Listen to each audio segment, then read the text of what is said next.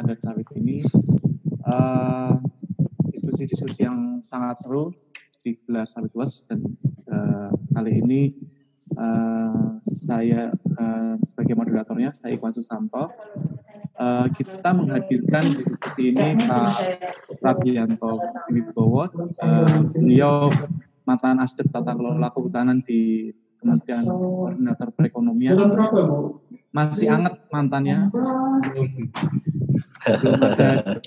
dua, dua minggu lebih dikit uh, terus nanti Pak Prab akan bercerita soal uh, perjalanan uh, satu tahun delapan bulan ya, uh, ya kurang lebih perjalanan ya. sawit ini uh, karena ditandatangani Pak Jokowi 19 September uh, 19 8 2018 nya nanti Pak Pak, Jeri, Pak Prabowo Pak Binto karena sudah lepas bajunya jadi lepas baju tanda petik ya jadi mungkin bisa lebih lega ceritanya uh, kepada kita seperti apa di uh, selama uh, memimpin uh, impres ini kemudian narasumber kedua ada Pak Sumiato Aji Purwanto atau Mas Aji ya biasa kita panggil beliau dari jauh sekali Uh.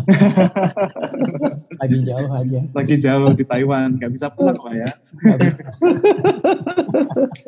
uh, beliau uh, ketua uh, Departemen uh, Antropologi di Universitas Indonesia. Beliau akan bercerita soal sosiokultural dari perkebunan sawit.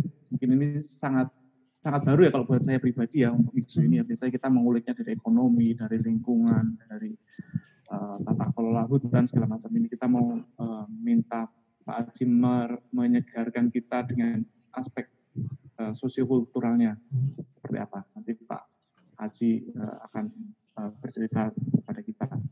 Dan nanti ada penangkapnya dari Mbak Yaya atau Mbak Nur Hidayati dari uh, Walhi beliau direktur eksekutif lingkungan hidup Indonesia.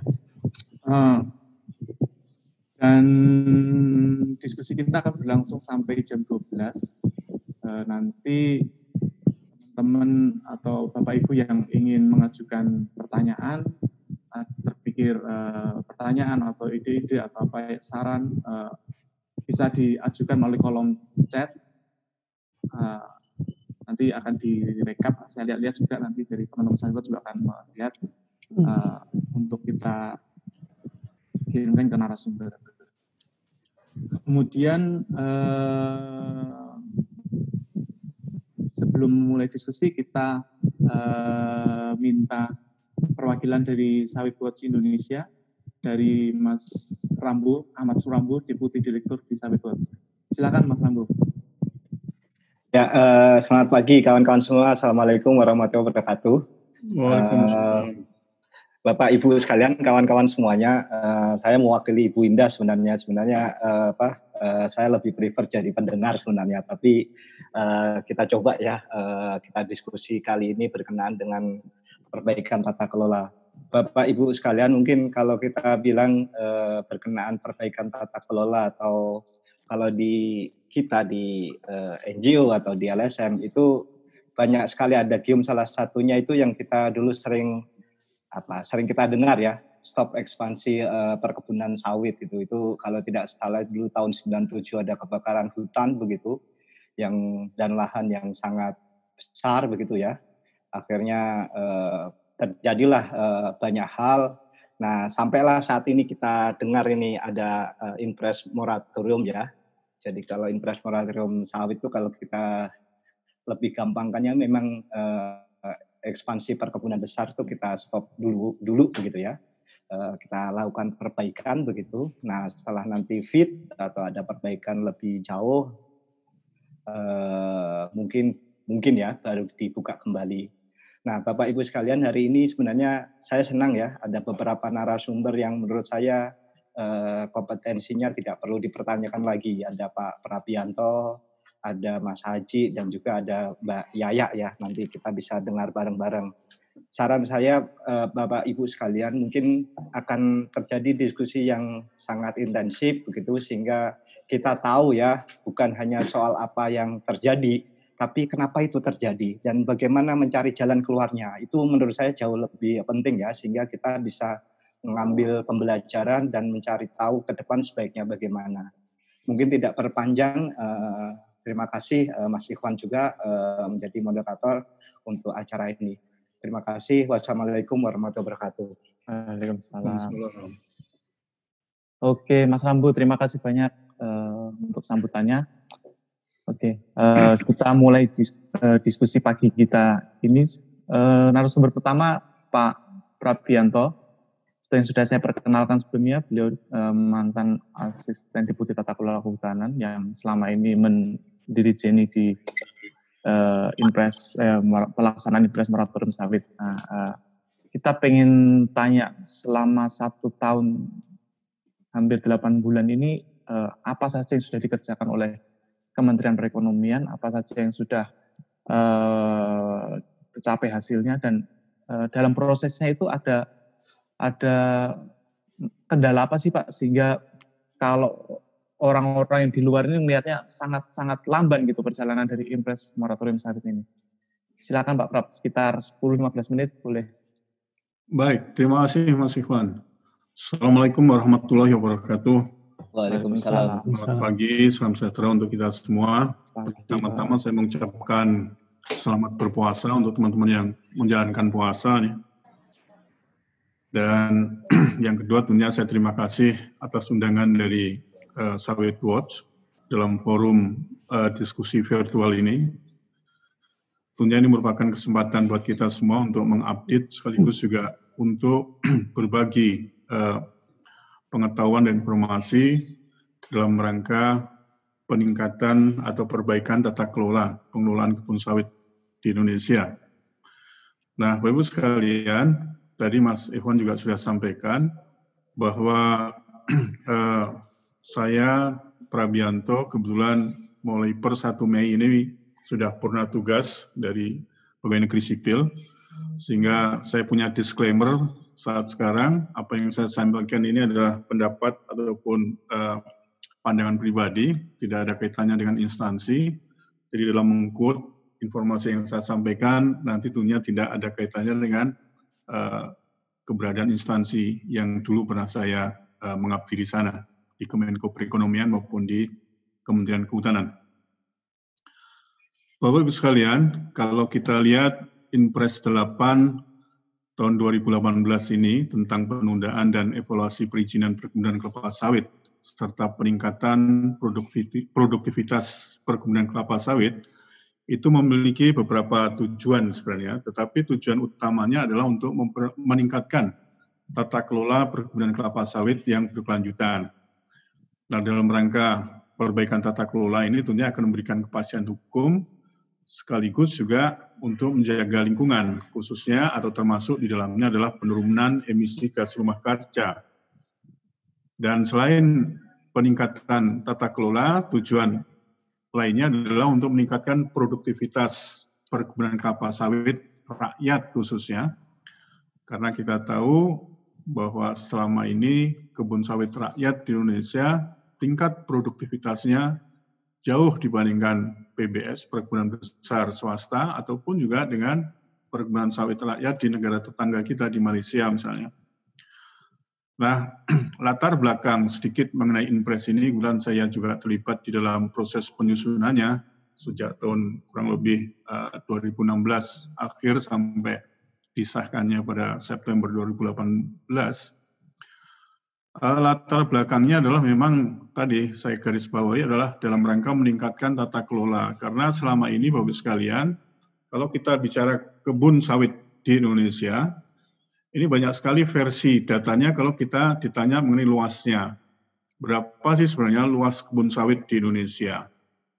Ini data dari berbagai sumber masing-masing berbeda. Ambil contoh misalnya data di Jen Perkebunan uh, Kementerian Pertanian pada tahun 2018 itu menyebutkan sawit Indonesia adalah 14 sekitar 14 juta hektar. Sementara kalau kita lihat dari data Badan Informasi Geospasial, itu menunjukkan angka kurang lebih 17 juta hektar. Nah, pada tahun 2019, Dijen pun merilis data lagi, luas kebun sawit kita ada kurang lebih 20 juta hektar. Belum lagi kalau kita lihat data-data dari teman-teman uh, lembaga swadaya masyarakat lainnya, misalnya Auriga pernah menyampaikan sawit di Indonesia itu adalah 16,8 misalnya. Sementara dari tim KPK dalam uh, gerakan nasional uh, sumber daya alam itu pernah mencatat kebun sawit di Indonesia adalah 15,7. Nah, berbagai sumber data ini tentunya Bapak sekalian akan menyulitkan apabila kita bicara masalah tata kelola, bicara masalah penerimaan uh, menyelamatkan apa, penerimaan negara ya khususnya pajak maupun PNBP lainnya. Untuk itulah barangkali pada awal tahun 2016 ingat saya teman-teman dari uh, Kementerian LHK sebenarnya yang menginisiasi pertama mengusulkan adanya uh, in, apa waktu itu bukan impres tetapi memang intinya adalah ingin supaya ada perbaikan dalam tata kelola. Karena dari sisi data kawasan hutan juga ternyata banyak data-data uh, yang simpang siur terutama izin-izin kebun sawit yang diterbitkan oleh pemerintah kabupaten atau pemerintah provinsi yang berkaitan dengan masalah uh, penggunaan kawasan hutan. Jadi dari situlah uh, kemudian ada keinginan pemerintah dalam ini untuk mencoba memperbaiki tata kelola, termasuk di dalamnya adalah untuk mengevaluasi izin-izin pelepasan kawasan hutan, kemudian juga izin uh, usaha perkebunan sawit maupun surat uh, daftar ya, STDU, surat tanda daftar usaha kebun sawit dan seterusnya. Intinya itu. Nah, akhirnya pada sekitar uh, September 2018 terbitlah instruksi Presiden nomor 8 uh, tentang tadi yang saya katakan Eh, penundaan dan evaluasi perizinan perkebunan kelapa sawit serta peningkatan produktivitas perkebunan kelapa sawit. Ini sedikit latar belakangnya, Bapak sekalian. Jadi mengapa kita perlu untuk uh, melakukan uh, moratorium kebun sawit ini. Kemudian Ibu, kalau kita lihat isi dari impres tersebut, itu sebenarnya adalah instruksi dari Presiden ke beberapa menteri termasuk juga ke gubernur dan bupati. Yang pertama adalah kepada Menteri LHK diminta untuk melakukan penundaan terhadap permohonan baru, permohonan yang telah diajukan namun belum melengkapi persyaratan, dan permohonan yang telah mendapat persetujuan prinsip namun belum ditata batas dan masih berada pada uh, kawasan hutan yang masih produktif. Jadi ini harus dilakukan penundaan. Nah, selain penundaan, itu juga diperintahkan kepada Menteri LHK untuk melakukan evaluasi terhadap pelepasan atau tukar menukar kawasan hutan yang dimanfaatkan sebagai perkebunan kelapa sawit, tapi belum dikerjakan. Jadi ada indikasi bahwa dari izin-izin pelepasan kawasan maupun dari izin tukar menukar kawasan yang semula izinnya adalah untuk kebun kelapa sawit, tapi pada kenyataannya di lapangan masih belum dikerjakan atau dengan kata lain masih banyak yang ditelantarkan. Nah selain itu juga eh, kepada Menteri LHK diminta untuk mengevaluasi terhadap ketentuan dari pelaksanaan eh, alokasi 20% dari setiap pelepasan kawasan hutan untuk kebun sawit rakyat. Jadi di setiap izin pelepasan kawasan yang dikeluarkan oleh Kementerian LHK, sebenarnya di sana ada ketentuan bahwa 20% dari luas yang dilepas tersebut harus dialokasikan untuk kebun rakyat. Nah ini yang diminta untuk di evaluasi sejauh mana realisasi dari uh, ketentuan tersebut. Nah, selain kepada Menteri LHK, Inpres ini juga menyasar Kementerian ATR BPN yang memerintahkan kepada Menteri ATR BPN untuk melakukan verifikasi terhadap data HGU.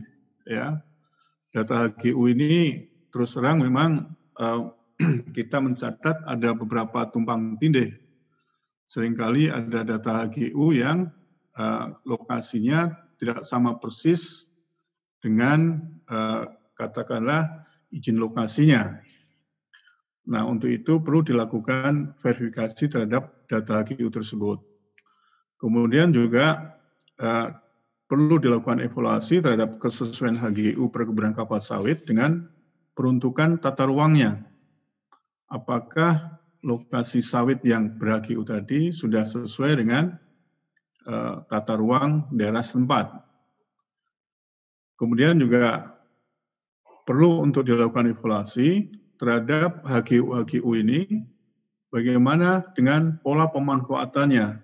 Karena sering kali ada pengajuan HGU tetapi di lapangan kebun sawitnya belum dibangun. Jadi baru izin HGU-nya yang diajukan. Nah ini semua yang uh, kepada Menteri ATR BPN perlu melakukan verifikasi dan evaluasi terhadap izin-izin HGU tersebut. Nah, selain kedua kementerian itu, Impres ini juga menyasar Kementerian Pertanian. Terhadap Menteri Pertanian, diinstruksikan untuk melakukan verifikasi terhadap data dan peta izin usaha perkebunan kelapa sawit serta pendaftaran surat tanda daftar usaha kebun sawit secara nasional baik secara by name, by address, ya tahun uh, penerbitannya, peruntukannya dan seterusnya. Ini perlu dilakukan verifikasi.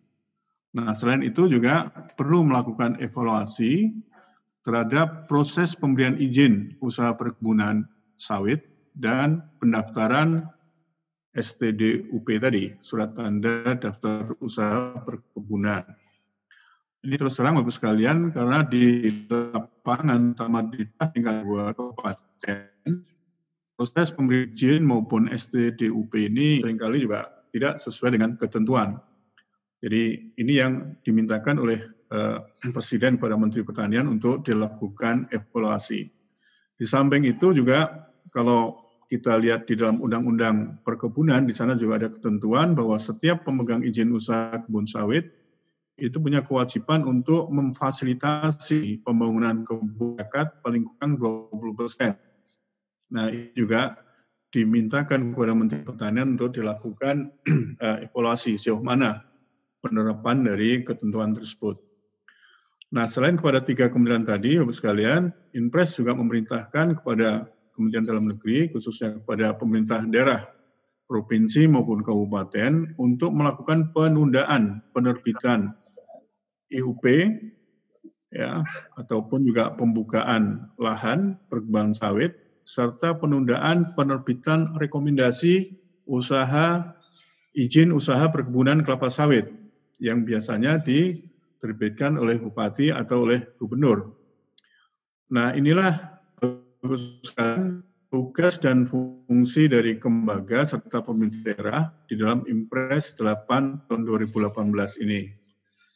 Jadi sebenarnya kementerian lembaga inilah yang memang harus uh, apa proaktif dan juga harus menjadi uh, leading sektor di dalam implementasi uh, Inpres 8 2018. Hmm. Kemudian yang terakhir adalah Kementerian Sektor Bidang Perekonomian. Nah, sesuai dengan tugas dan fungsinya selaku Kementerian Koordinator, tentunya Kemenko Perekonomian itu adalah mengkoordinasikan kementerian lembaga yang tadi yang saya sebutkan, sejauh mana mereka melakukan uh, implementasi dari impres ini dan hambatan-hambatan apa yang dihadapi sehingga di dalam sebuah rapat koordinasi tingkat menteri ini semua bisa diselesaikan. Tapi ada lagi, satu tugas Pak. khusus, ya? Dua menit lagi. Oh baik. Oh baik. Jadi ada tugas khusus kepada Kemenko ini adalah dalam rangka untuk penyusunan atau perbaikan database, ya, database kebun sawit Indonesia. Nah, berkaitan dengan ini, Bapak sekalian, saya ingin menggarisbawahi tugas Kemenko saja, yaitu mengenai database tadi. Jadi, kami di Kemenko uh, berpendapat bahwa perbaikan tata kelola kebun sawit ini tidak akan bisa kita lakukan kalau kita tidak memiliki database yang kuat, yang akurat, yang valid untuk digunakan. Nah, untuk itulah Bapak sekalian, tahun 2019 awal kemarin kita sudah berhasil melakukan rekonsiliasi data tutupan sawit nasional dan sudah disahkan dengan peraturan Menteri Pertanian, yaitu yang uh, tadi sudah disebutkan, ya ada kurang lebih 16,4 eh, juta hektar. Itulah yang menjadi acuan. Nah, sebenarnya dari data tutupan ini ada tin, ada kegiatan lanjutan yang harus diselesaikan. Antara lain adalah kalau itu tadi adalah land statusnya, uh, sorry, land covernya, yang sekarang harus kita lakukan adalah land statusnya. Land status harus kita lakukan dalam rangka menentukan mana sebenarnya kebun sawit yang katakan legal dan kebun sawit yang non prosedural kebun sawit mana yang milik perusahaan, dikelola oleh perusahaan, dan kebun sawit mana yang dikelola oleh rakyat. Nah ini untuk kita lakukan berdasarkan peta tutupan sawit nasional tadi. Nah sehingga akhirnya tujuan dari impres ini bisa kita wujudkan. Karena kalau uh, apa uh, secara uh, gambaran secara makronya atau katakanlah roadmap-nya selain lain cover tadi, kemudian menginjak ke land status, kemudian menginjak ke masalah kewajiban-kewajiban uh, perusahaan, misalnya dalam hal uh, pajaknya, dalam hal PNBP-nya, dalam hal pemenuhan kewajiban kepada negara lainnya, serta mengenai sertifikasi ISPO-nya. Itulah yang sebenarnya uh, melatar belakangi sekaligus juga apa yang dilakukan oleh Kemenko Perekonomian. Ya, Nah, kalau dikatakan terlambat, ya ini memang uh, di dalam proses, Bapak sekalian, uh, tentunya perlu ada leadership ya, saya lihat leadership dari masing-masing kementerian dan juga leadership dalam uh, apa mengkoordinasikan empat atau lima kementerian, termasuk juga Pemda tadi. Jadi kalau kita berharap tentunya dalam uh, waktu mendatang setelah selesainya COVID-19 ini tentunya nanti kami berharap ada apa uh,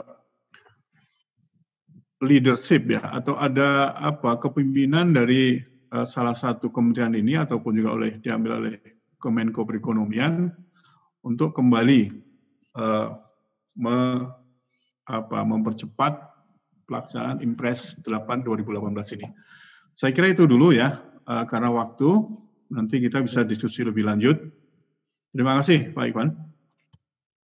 Terima kasih Pak Prab. Kalau ini waktu masih eh, terlibat langsung dalam proses eh, pelaksanaan impres ini, pertemuan dengan KL dan kabupaten itu berapa berapa minggu atau berapa bulan sekali Pak Prab. Kemudian eh, kalau di di evaluasi sementara hmm. gitu, tadi kan Bapak bilang data database itu sangat hmm. penting. Kalau sampai sekarang berapa persen Pak database sudah terkumpul, hmm.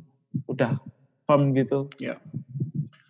Jadi dalam hal mekanisme kerja kita, Bapak sekalian, Kemenko Perekonomian kan fungsi koordinasi uh, di tingkat nasional ya. Jadi pada tataran paling tinggi ada namanya rapat koordinasi menteri yang dipimpin oleh Pak Menko sendiri.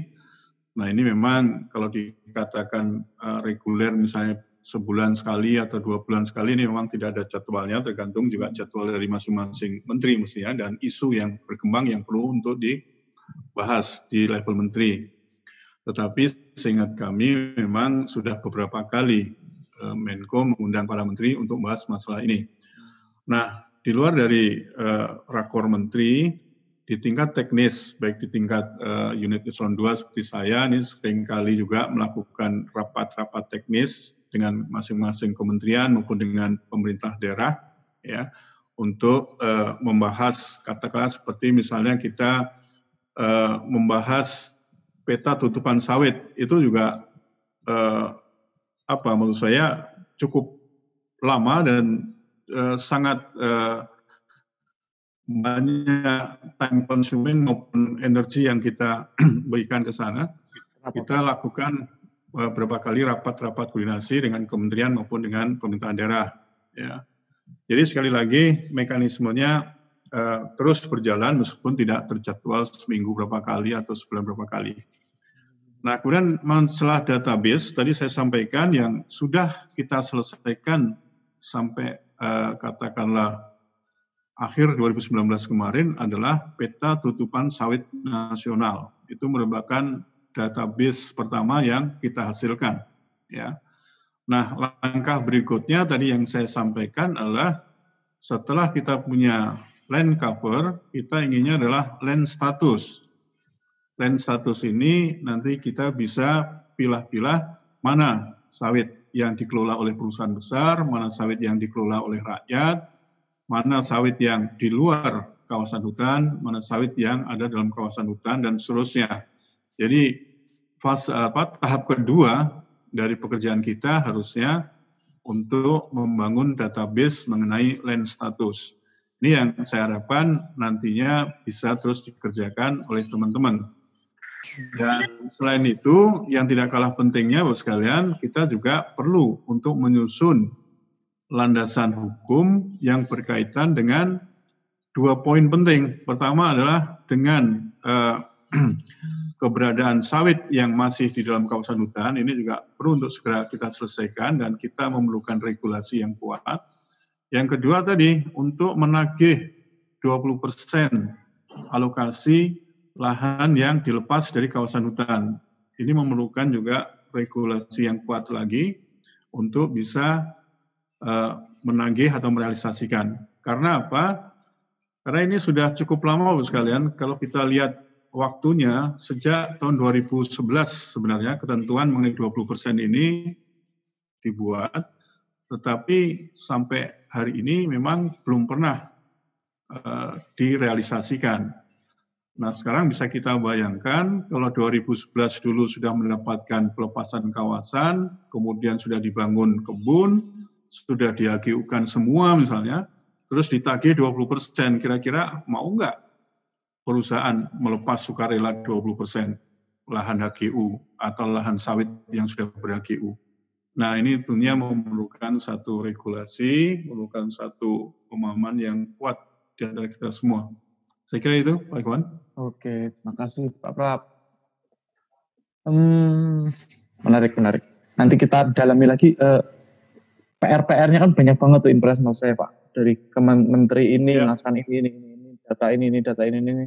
Tadi yang baru tercapai ya. baru status tutupan hutan ya, kawasan tutupan, eh tutupan kelapa sawit.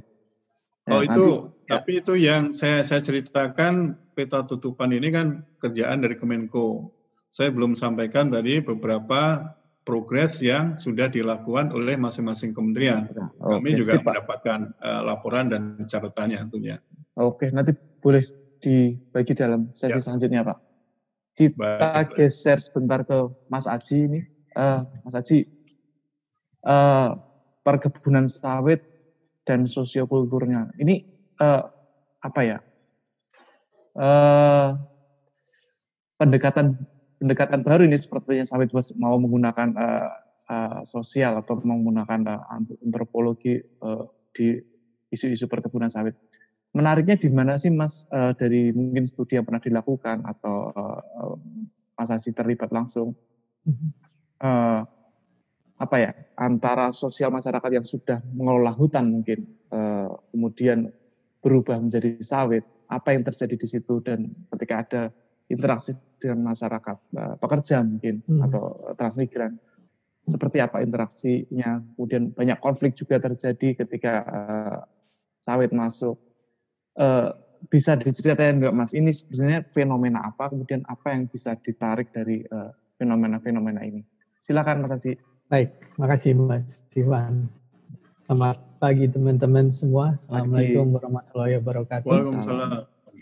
Uh, saya senang sekali uh, beberapa hari yang lalu Astrid kontak saya untuk uh, join di dalam acara ini. Jadi buat saya ini satu kesempatan juga untuk memperkenalkan pendekatan yang bukan pendekatan lama, masih pendekat, eh, pendekatan baru ya, pendekatan lama mengenai uh, aspek sosiokultural dari pengelolaan sumber daya alam. Saya akan sebut seperti itu ya. Jadi mohon uh, dipahami saya uh, dari antropologi perspektif kami agak besar karena fokus utamanya adalah pada kultur, pada kebudayaan.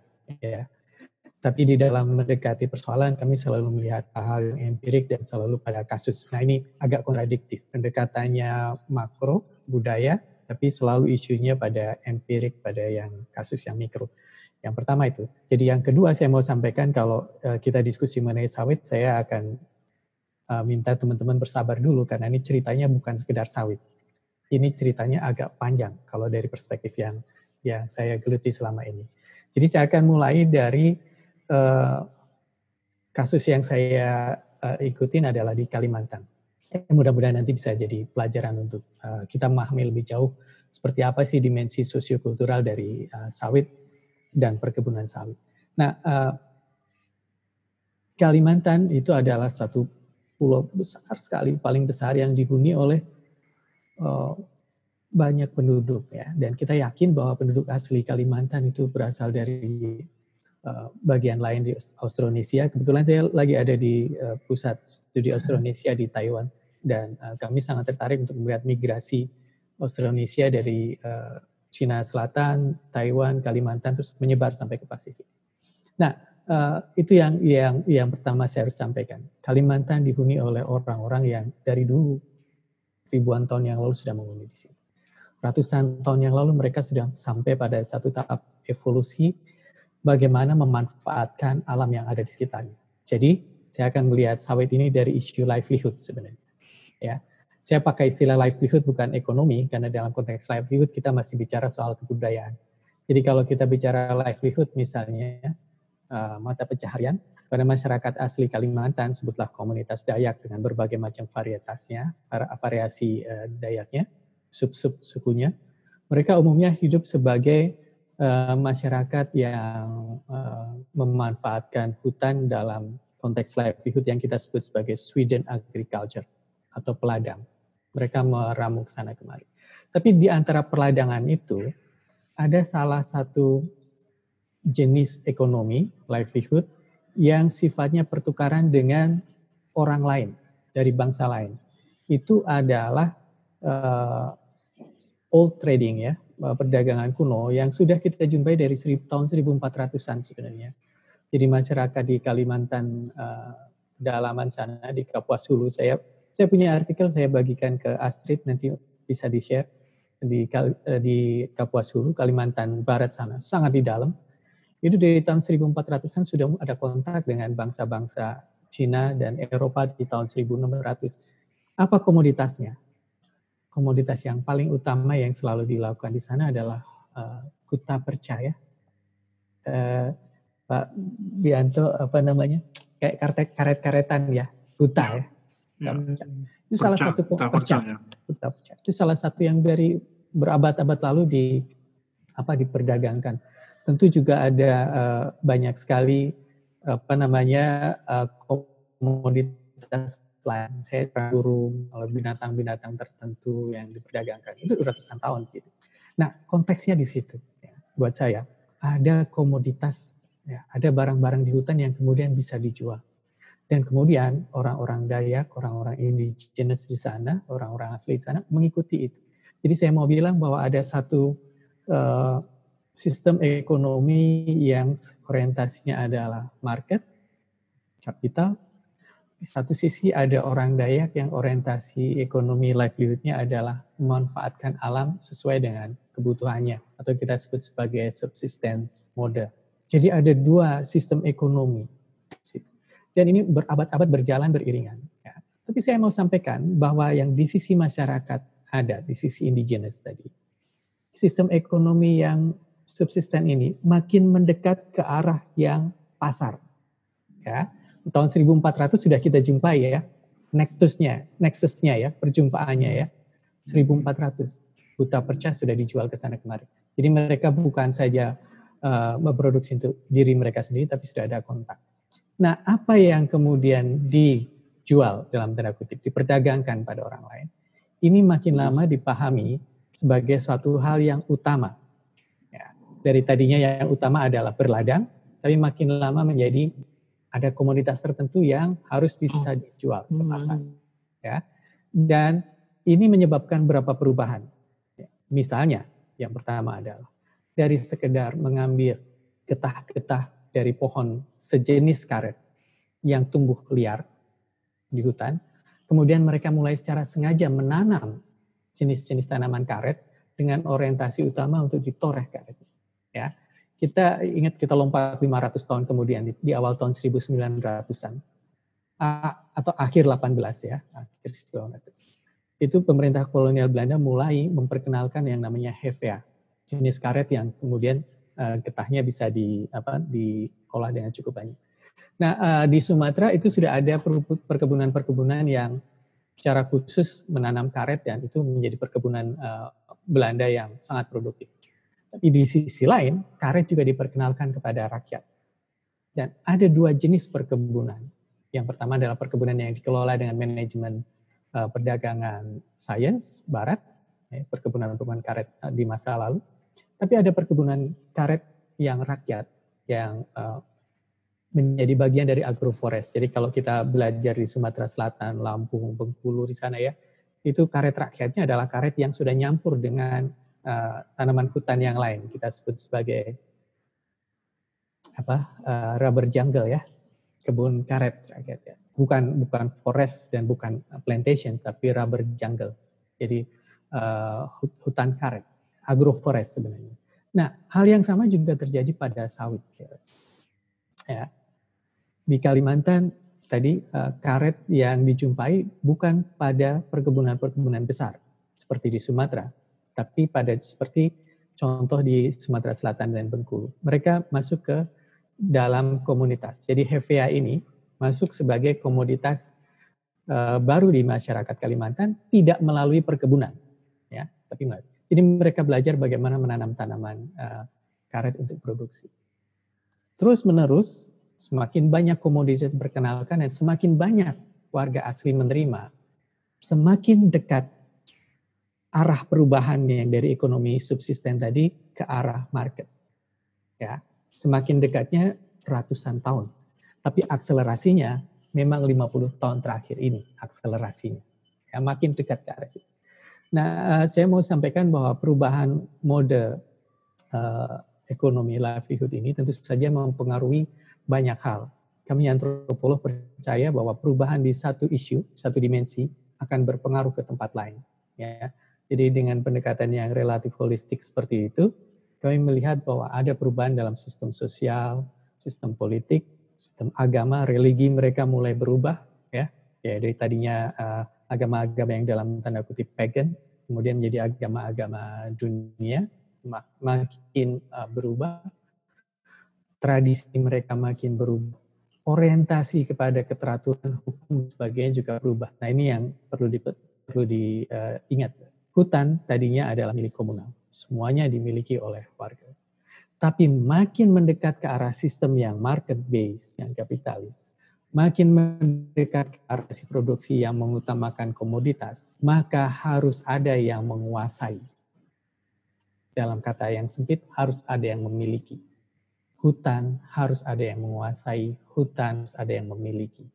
Nah, perjumpaan masyarakat uh, adat masyarakat asli Kalimantan ini bukan saja ber, uh, dengan uh, sistem ekonomi kapitalis, tapi juga dengan sistem politik yang namanya dar yang tiba saja di tahun 45 ya mereka menjadi bagian dari Indonesia negara Indonesia merdeka dengan segala aturan yang harus diikuti. Sebelumnya mereka menjadi bagian dari koloni uh, Belanda Inggris di Kalimantan Barat misalnya sedikit uh, uh, namanya perbatasan sana ya tiba-tiba menjadi seperti itu. Artinya hal yang selama ini mereka atur dengan tradisi mereka, adat mereka terkait dengan penguasaan lahan, kepemilikan hutan, kebun ini milik siapa, yang tadinya ada dalam tradisi, dalam adat.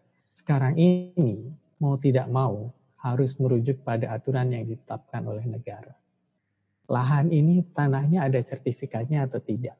Ini hal yang selama ini tidak pernah mereka mereka dalam proses perjalanan uh, sejarah komunitasnya nggak pernah terjadi.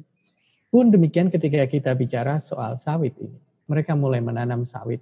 Mungkin uh, uh, di Kalimantan saya rasa uh, uh, datang belakangan dibanding di Sumatera ya. Jadi uh, mungkin 30 sampai 50 tahun terakhir ini mulai banyak dan 30 tahun terakhir mulai banyak di sana.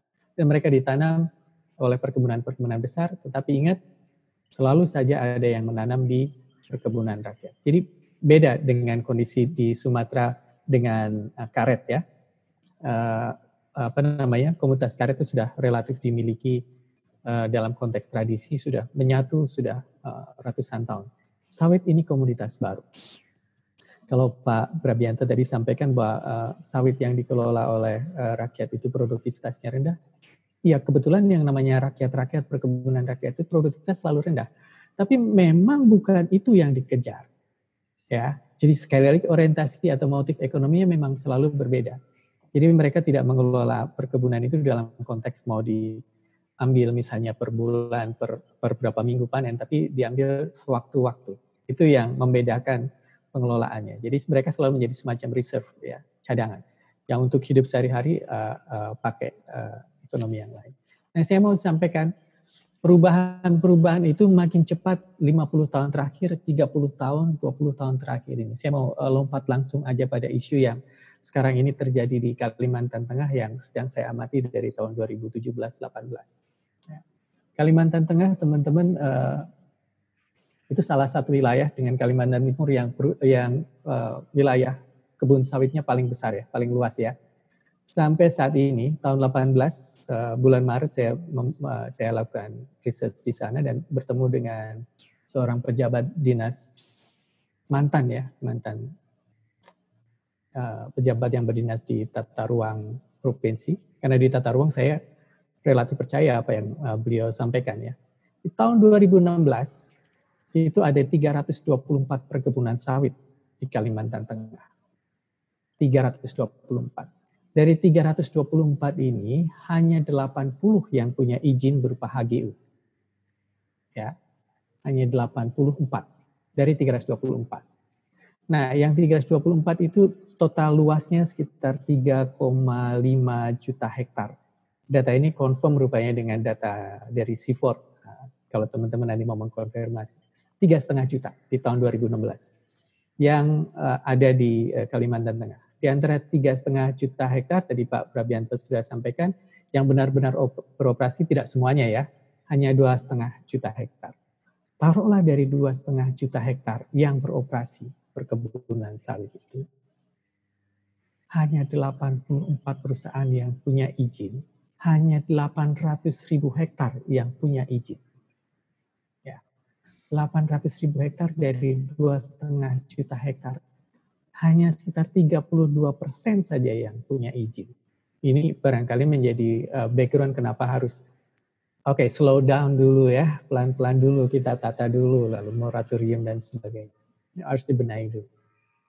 Nah, tapi ini persoalannya adalah dari sekian banyak uh, uh, lahan yang masih idle dan bekerja secara dalam tanda ilegal karena tanpa izin, uh, kita asik bicara soal pendapatan negara yang hilang, pendapatan daerah yang hilang, satu hal. Tapi saya ingin juga teman-teman untuk menengok bagaimana komunitas melihat itu, persoalan itu. ya. Nah, saya mau sampaikan 20 tahun terakhir ini ada perubahan politik yang besar sekali yang menggeser uh, uh, dominasi pemerintah pusat ke daerah melalui otonomi daerah. Dan melalui otonomi daerah itu salah satu yang sempat diatur adalah perizinan untuk mengelola sumber daya alam, termasuk hutan dan perkebunan. Bahkan di beberapa sektor pertambangan. Kalau ada teman-teman dari pertambangan nanti bisa share. Sebagian dari uh, pengelolaan, izin pengelolaan komoditas yang terkait dengan sumber daya alam atau hutan tadi didesentralisasikan ke tingkat kabupaten. Ingat ya, otonomi daerah kita yang awal adalah di tingkat kabupaten.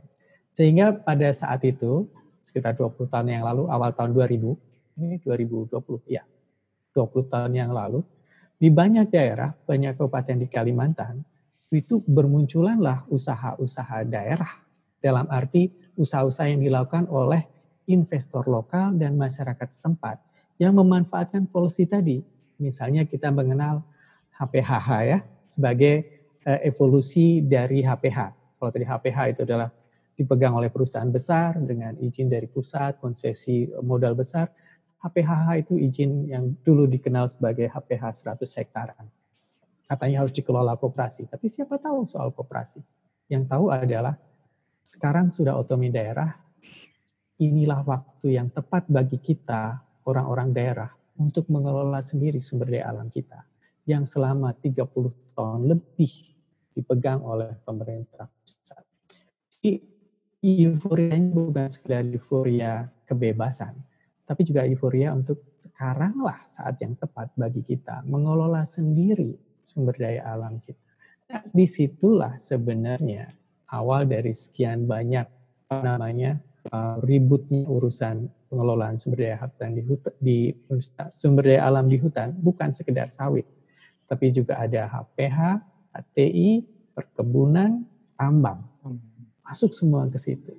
Nah, uh, kita sama-sama tahu bahwa uh, otonomi daerah yang melepaskan pengelolaan uh, desentralisasi seperti itu punya dampak uh, apa namanya lingkungan yang cukup tinggi. Jadi kita lihat lima tahun uh, terakhir ini barangkali kalau saya nggak salah hitung lima tahun atau delapan tahun terakhir ini ada upaya untuk menarik kembali kewenangan. Jangan ditaruh di kabupaten semua, ya.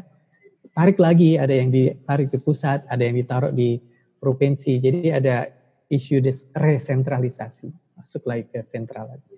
Tapi saya mau sampaikan, kalau tadi isu pelepasan uh, kawasan dari kawasan hutan menjadi kebun itu dilakukan oleh perusahaan, catatan saya nih ya, di Kalimantan Tengah itu bisa dilakukan cepat, barangkali enam bulan.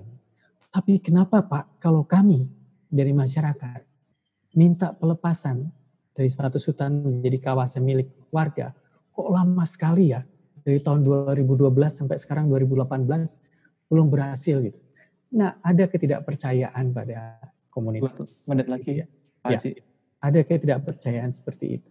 Nah, kita melihat bahwa di berbagai daerah Kalimantan Tengah, sekali lagi saya mau fokus, ada gerakan-gerakan dari bawah, dari masyarakat adat yang berusaha mengambil kembali kedaulatan atas pengelolaan pengelolaan sumber daya alam.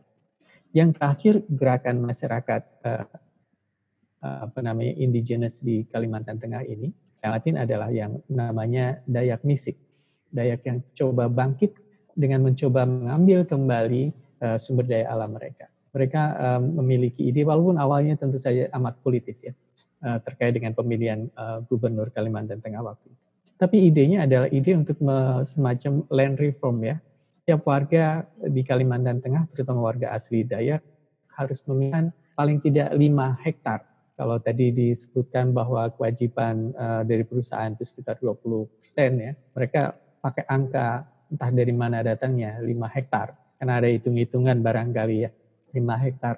Uh, dari kebun sawit yang ada di Kalimantan Tengah, yang tiga setengah juta tadi, dua setengah juta yang sudah beroperasi ini, seharusnya warga punya lima hak lima hektar.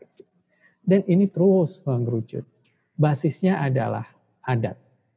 Jadi sekarang ini kalau teman-teman uh, bicara dalam konteks perusahaan dan konteks pengelolaan negara, sering kali kita melihat bahwa kok kayaknya yang namanya adat ini benar-benar ngerecokin, benar-benar kebijakan nggak bisa jalan, hmm. benar-benar upaya usaha ini nggak bisa jalan. Setiap kali kita mau bikin ini, selalu ada, ini punya adat, ini punya adat. Tolong itu dipahami sebagai reaksi atas tadi perubahan besar yang selama ini terjadi, yang tidak terlalu menguntungkan bagi uh, masyarakat asli di Kalimantan, teman-teman uh, apa masyarakat ada di sana, dalam perjumpaan dengan sistem uh, ekonomi market dan dalam dengan sistem negara. Perjumpaan dengan dua sistem besar itu sangat tidak menguntungkan pada masyarakat asli. Dan uh, ini yang terakhir barangkali uh, sebelum nanti kita diskusikan, saya melihat perjumpaan tadi, ini tadi uh, sistem market dan negara, lalu masyarakat uh, asli di sini, ada titik temu 20 tahun terakhir ini pada yang namanya pengusaha-pengusaha lokal, pada yang namanya petani-petani uh, di tingkat komunitas dan sawit adalah salah satu yang bisa menjadi eh, kendaraan buat mereka. kendaraan yang lain adalah uh, emas, tambang emas. Kalau teman-teman akrab dengan istilah PT dan dan sebagainya di Kalimantan uh, Selatan, Kalimantan Tengah, Kalimantan Barat, itu adalah kendaraan mereka untuk uh, ikut berperan dalam konteks pengelolaan sumber daya alam. Nah, perusahaan-perusahaan sawit ini di banyak tempat itu juga dimiliki oleh uh, pertama warga desa, kedua orang kaya di desa atau di tingkat kabupaten, ketiga orang kaya di tingkat provinsi. Nah, mereka lah yang kemudian bersaing berhadapan dengan investor dari pusat dan investor dari luar negeri. Mereka selalu punya link yang lebih kuat dengan sentimen warga lokal atas nama adat. Begitu kalau kita mau menjelaskan isu adat ya. Sawit, perkebunan sawit dan segala usaha untuk mengelola sawit, mengatur perusahaan sawit, sekarang ini niscaya akan berhadapan dengan kekuatan uh, komunitas yang namanya adat. Jadi kita harus pahami itu dulu. Jadi uh, barangkali Mas Iwan, teman-teman sekalian, ini terlebih dahulu paparan mengenai bagaimana kami di antropologi mendekati isu sawit bukan langsung kepada sawitnya, tapi pada konteksnya terlebih dahulu, pengelolaan sumber daya alam, hutan, masyarakat yang ada di sekitar situ, yang selama ini mengelola sumber daya ini, lalu perjumpaan sistem livelihood-nya, ekonominya, dan bagaimana eh, reaksi yang ditampilkan mereka terhadap segala hal yang sekarang ada di hadapan mereka. Barangkali itu dulu, Mas. Terima kasih, Mas Aci. Uh, satu pertanyaan yang agak mengganggu ini, Pak. Apakah bisa masyarakat adat disebut masyarakat adat ketika mereka sudah berkebun sawit begitu. Uh, uh, apakah uh, itu apa ya? Kalau banyak kalau beberapa versi menyebutkan kalau masyarakat sudah berkebun sawit atau berkebun monokultur ya bukan masyarakat adat lagi. Kalau perspektifnya dari Mas Haji seperti apa nih? Nah ini kita punya dua definisi. Teman-teman kita diskusi saya ajak diskusi dalam konteks akademik bukan dalam konteks gerakan ada dua definisi yang sering kali tumpang tindih. Kawan-kawan digerakkan aliansi masyarakat adat misalnya, para aktivis bicara soal masyarakat adat sebagai bahasa Indonesia dari indigenous people. Dan definisi mereka, masyarakat adat adalah the struggling community. Masyarakat yang tengah berjuang. Apa perjuangannya? Perjuangannya adalah melawan investasi dan melawan kekuasaan negara yang mengganggu hajat hidup mereka sebagai kelompok yang namanya tribal, tribes, kelompok yang sederhana, tribal. Nah, kelompok yang sederhana ini dimaknai sebagai mereka yang masih Ivan tadi sebutkan ya, yang belum berorientasi ekonomi modern dan sebagainya. Selama mereka tidak struggling, tidak melawan investasi dari perusahaan, tidak melawan polisi negara, sering kali mereka tidak disebut sebagai masyarakat adat. Itu definisi dari kawan-kawan aktivis ya. Karenanya kalau teman-teman masih ingat di Yogyakarta nggak ada masyarakat adat. Hmm. Adanya adalah kerajaan. Mereka bagian dari negara walaupun negara kuno. Mereka bukan masyarakat adat walaupun kita pakai apa namanya? Langkon. Langkon, bawa keris, bukan masyarakat adat. Nggak pernah mereka masuk dalam konteks apanya gerakannya aman hanya, lihat ya, hanya ketika ada bandara baru mau dibangun di Kulon Progo, lalu menggusur sawah-sawah mereka, tiba-tiba ada masyarakat ada di situ. Dan itu definisinya jadi operasional karena mereka struggling. Hal yang sama juga hmm. di Kendeng ya dengan pabrik semen yang masih ingat ya. Selama ini tidak dipahami. Nah kami di sisi akademik di kampus melihat masyarakat adat atau indigenous people dalam kerangka yang lebih dinamis dan barangkali lebih loose, lebih longgar ketimbang teman-teman dikirakan. Hmm. Walaupun mereka sudah terinkorporasi ke dalam sistem ekonomi kapital market sekalipun, mereka masih cara identitas mereka masih adalah masyarakat adat, masih bagian dari indigenous people. Dan hmm. faktanya dalam banyak kasus mereka adalah kelompok-kelompok yang marginal di dalam sistem ekonomi kapital ya. Jadi mereka mungkin tinggal di kota, mereka mungkin punya usaha, tapi dalam banyak hal mereka susah sekali untuk mengaktualisasikan dirinya dalam sistem baru ini. Karena sering kali kita harus punya kebijakan yang afirmatif kepada kawan-kawan dari kelompok ini. Barangkali itu, Mas Iwan. Terima kasih. Kalau bicara soal afirmatif tadi, Pak Haji, apakah kebijakan yang ada termasuk impres ini terkait sawit ini sudah memberikan afirmatif kepada masyarakat adat, terutama itu, dalam itu yang dituntut tadi ya, seperti gerakan-gerakan masyarakat. Iya, seperti gerakan-gerakan Dayak Misik tadi, itu yang dituntut. Beri kami afirmatif policy 5 hektar per kakak dari hmm. Jutaan hektar yang kalian berikan konsesinya kepada perusahaan-perusahaan swasta ini. Hmm. Beri kami.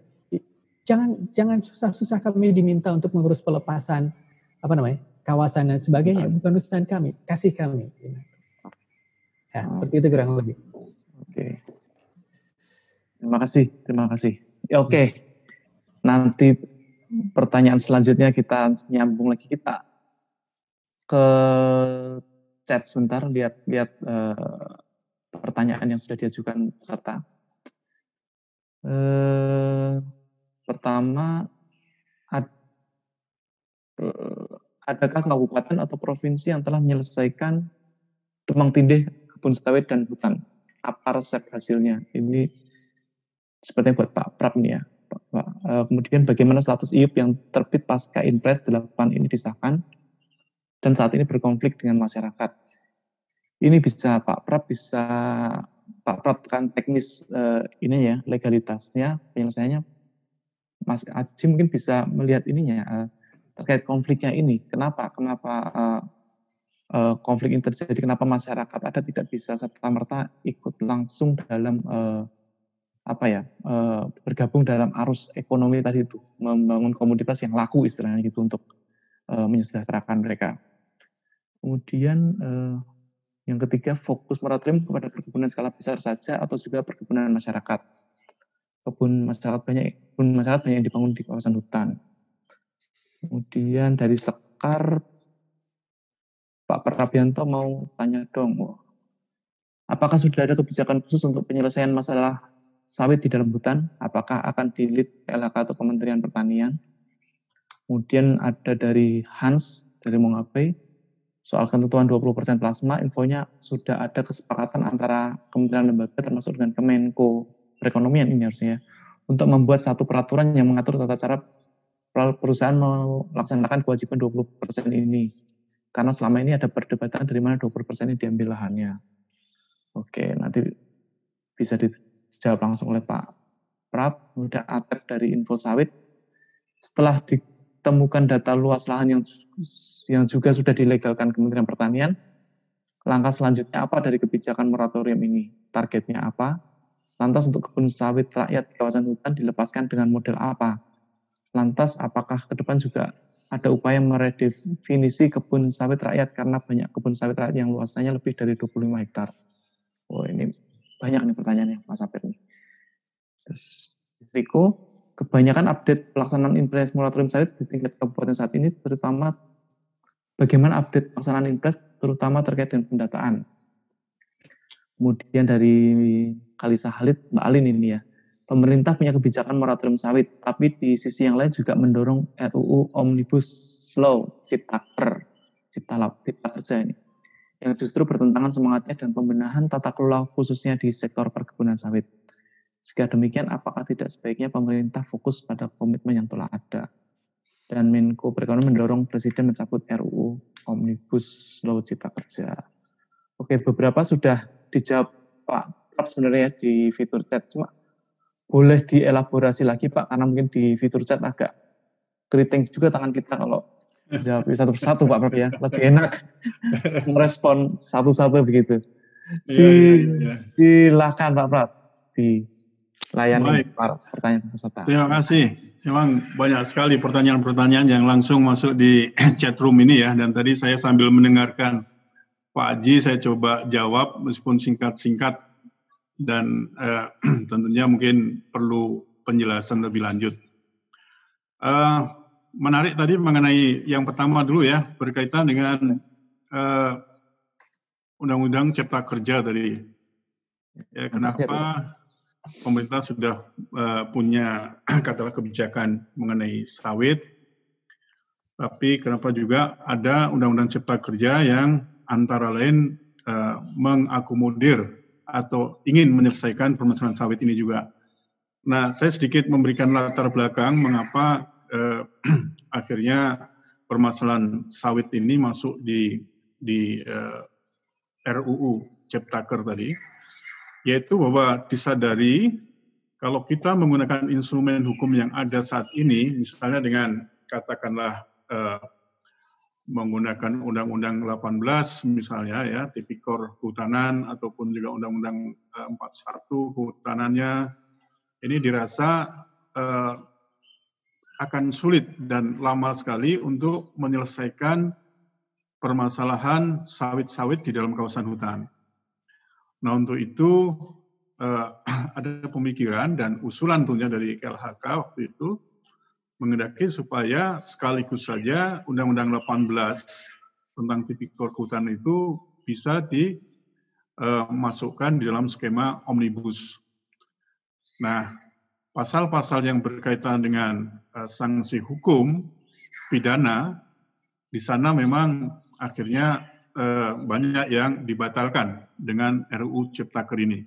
Mengapa? Karena dari perhitungan Eh, teman-teman di KLHK untuk menyelesaikan satu kasus pidana itu akan memakan waktu, tenaga, dan biaya yang cukup besar. Nah, padahal kita tahu saat ini ada kurang lebih 3,1 juta hektar kebun sawit dalam kawasan hutan. Dan kalau dilihat jumlah unitnya atau jumlah pelakunya ini sangat banyak sekali. Sehingga ada pemikiran untuk mempercepat proses penyelesaian ini, maka sebaiknya perlu dimasukkan dalam skema omnibus. Itulah yang oleh Kemenko akhirnya dicoba akomodir masuk dalam rumusan eh, RUU Ciptaker tadi.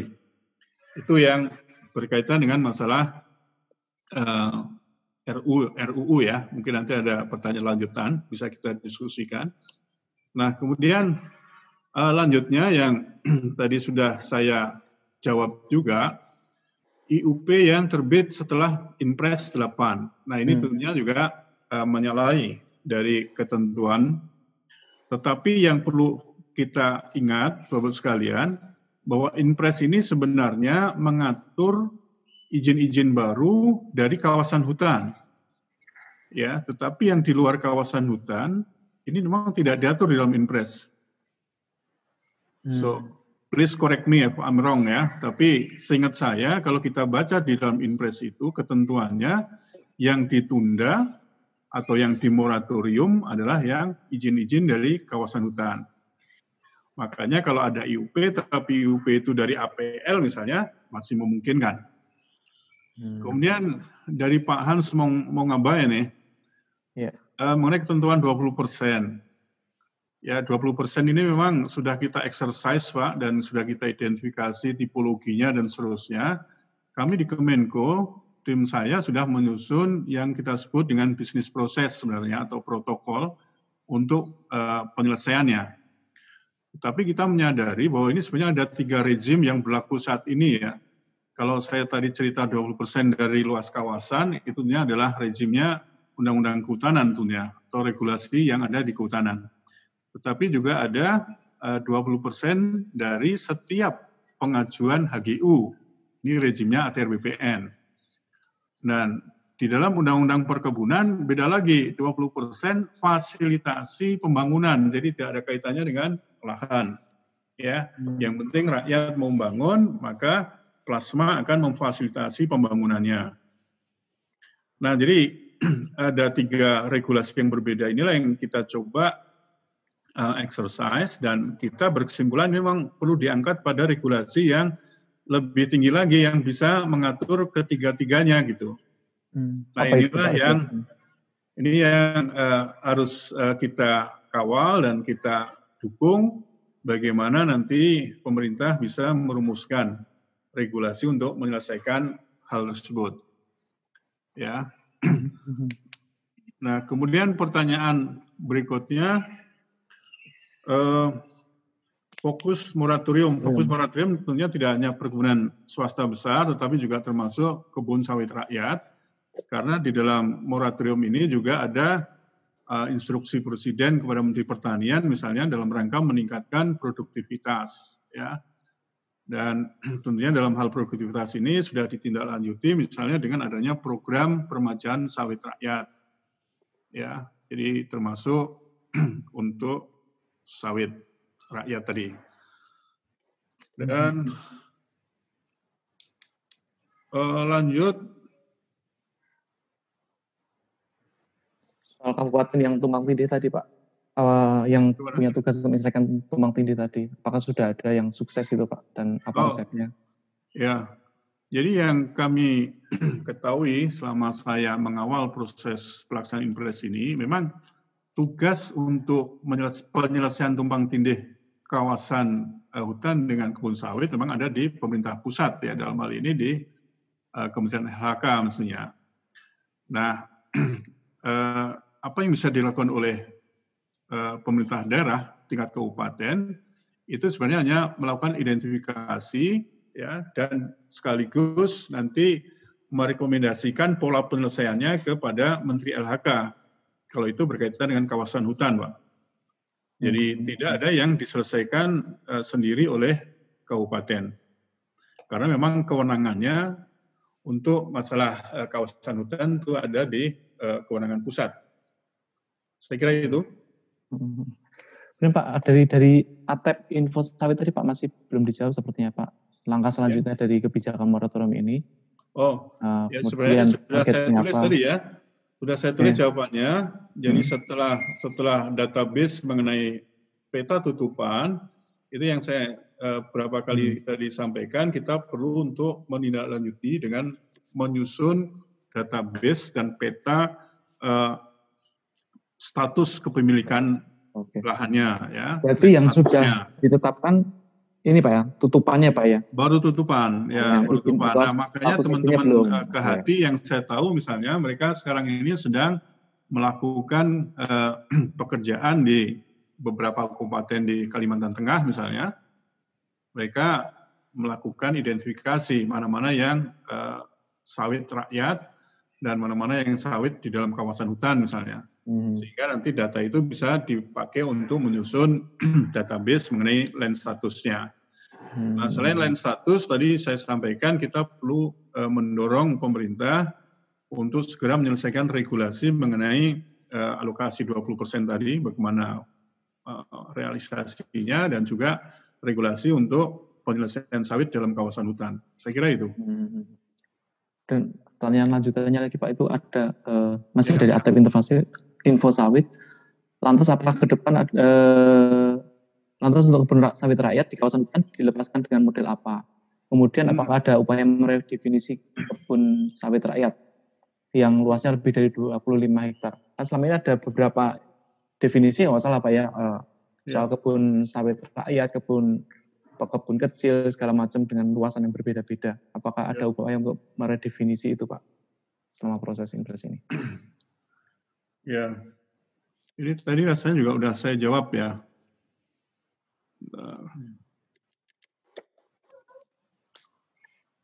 Dari yang mana Mas Mas Ikhwan? Yang dari Atep Info Sawit, Pak. Mm -hmm. Mm -hmm. Soal itu uh, uh, kebun sawit rakyat di kawasan hutan dilepaskan dengan model apa, kemudian okay. uh, eh, upaya meredefinisi kebun sawit rakyat Jadi, karena banyak definisi ya, soal ya, kebun ya, rakyat. Dari dari konsep yang kami susun, Pak, dari konsep hmm. uh, bisnis proses tadi yang kami susun, sebenarnya kita tetap akan mengedepankan kepentingan rakyat ya atau petani sawit ya. Sehingga nanti dari kriteria-kriteria yang sudah kita uh, tetapkan apabila memenuhi kriteria tersebut, maka keberadaan kebun sawit dalam kawasan ini bisa untuk dilepas, artinya dengan pelepasan, Pak. Hmm. Tetapi juga tergantung kriteria tadi, ada juga yang harus diselesaikan misalnya dengan pemberian izin satu daur melalui perhutanan sosial misalnya. Atau juga bisa juga dengan cara sewa lahan. Nah ini memang ada beberapa kriteria yang sudah kita coba exercise jadi penyelesaiannya tentunya tidak semua dilepas, tapi tergantung juga keberadaan sawit tadi di kawasan mana dan juga secara historisnya seperti apa. Mekanisme sudah lengkap Pak ini Pak. Uh, kalau nggak ya, masuk ya, kalau, sini, masuk sini. Kalau masuk menurut sini, kami waktu kami susun ini sudah mengakomodir semua tipologi tipologi keberadaan sawit uh, di dalam kawasan ya. Dan ini juga sudah beberapa kali kita diskusikan dengan tim hukum sebenarnya, para pakar hukum ya. Nah, tetapi kembali lagi, tentunya ini perlu untuk segera diformulasikan di dalam regulasi. Memang kami dengar LHK sudah menyiapkan konsep peraturan pemerintah. Ya, mudah-mudahan saja konsep atau rancangan peraturan pemerintah ini bisa segera diselesaikan sehingga ada kejelasan mengenai hmm. penyelesaiannya. Saya kira itu Pak Iwan. Oke, terima kasih Pak Prat.